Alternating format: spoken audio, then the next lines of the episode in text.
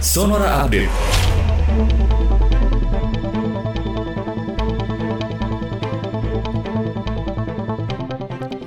Selamat siang sahabat Sonora, Gubernur DKI Jakarta Anies Baswedan menyatakan pihaknya masih menyiapkan sejumlah standar operasional prosedur atau SOP terkait pelaksanaan sekolah tatap muka. Anies mengatakan nantinya SOP yang akan diterapkan Dinas Pendidikan DKI Jakarta didasarkan pada kenyataan di lapangan. Selain itu Anies juga menyatakan SOP berdasarkan perilaku siswa hingga guru saat pelaksanaan tatap muka, yakni mulai dari siswa berangkat hingga pulang sekolah.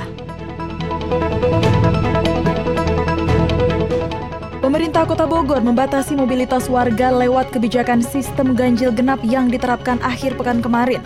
Namun dalam kondisi di lapangan, sistem ganjil genap yang diterapkan di pusat Kota Bogor jelang waktu berbuka puasa tersebut rupanya tidak cukup untuk meminimalisasi pergerakan warga.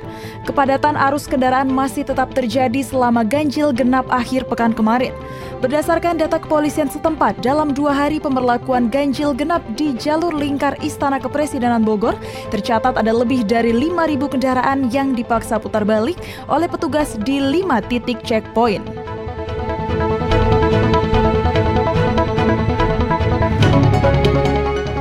Wakil Kepala Staf Kepolisian Nasional Kamboja, Mayor Jenderal Ung Chan Tuok, dipenjara selama satu tahun akibat melanggar kebijakan pembatasan kegiatan di masa pandemi COVID-19. Reuters melaporkan putusan tersebut dibacakan pada Kamis pekan lalu. Ung ditangkap akibat melanggar pembatasan sosial, yaitu dengan menggelar pesta. Akibat kasus tersebut, dia langsung dicopot dari jabatannya. Selain Ung, ada dua orang lagi yang juga menghadiri pesta tersebut diganjar dengan hukuman karena melanggar pembatasan kegiatan. Akan tetapi kedua orang tersebut dijatuhi hukuman penjara selama 18 bulan. Kamboja juga tengah berjuang mengatasi lonjakan kasus infeksi virus corona.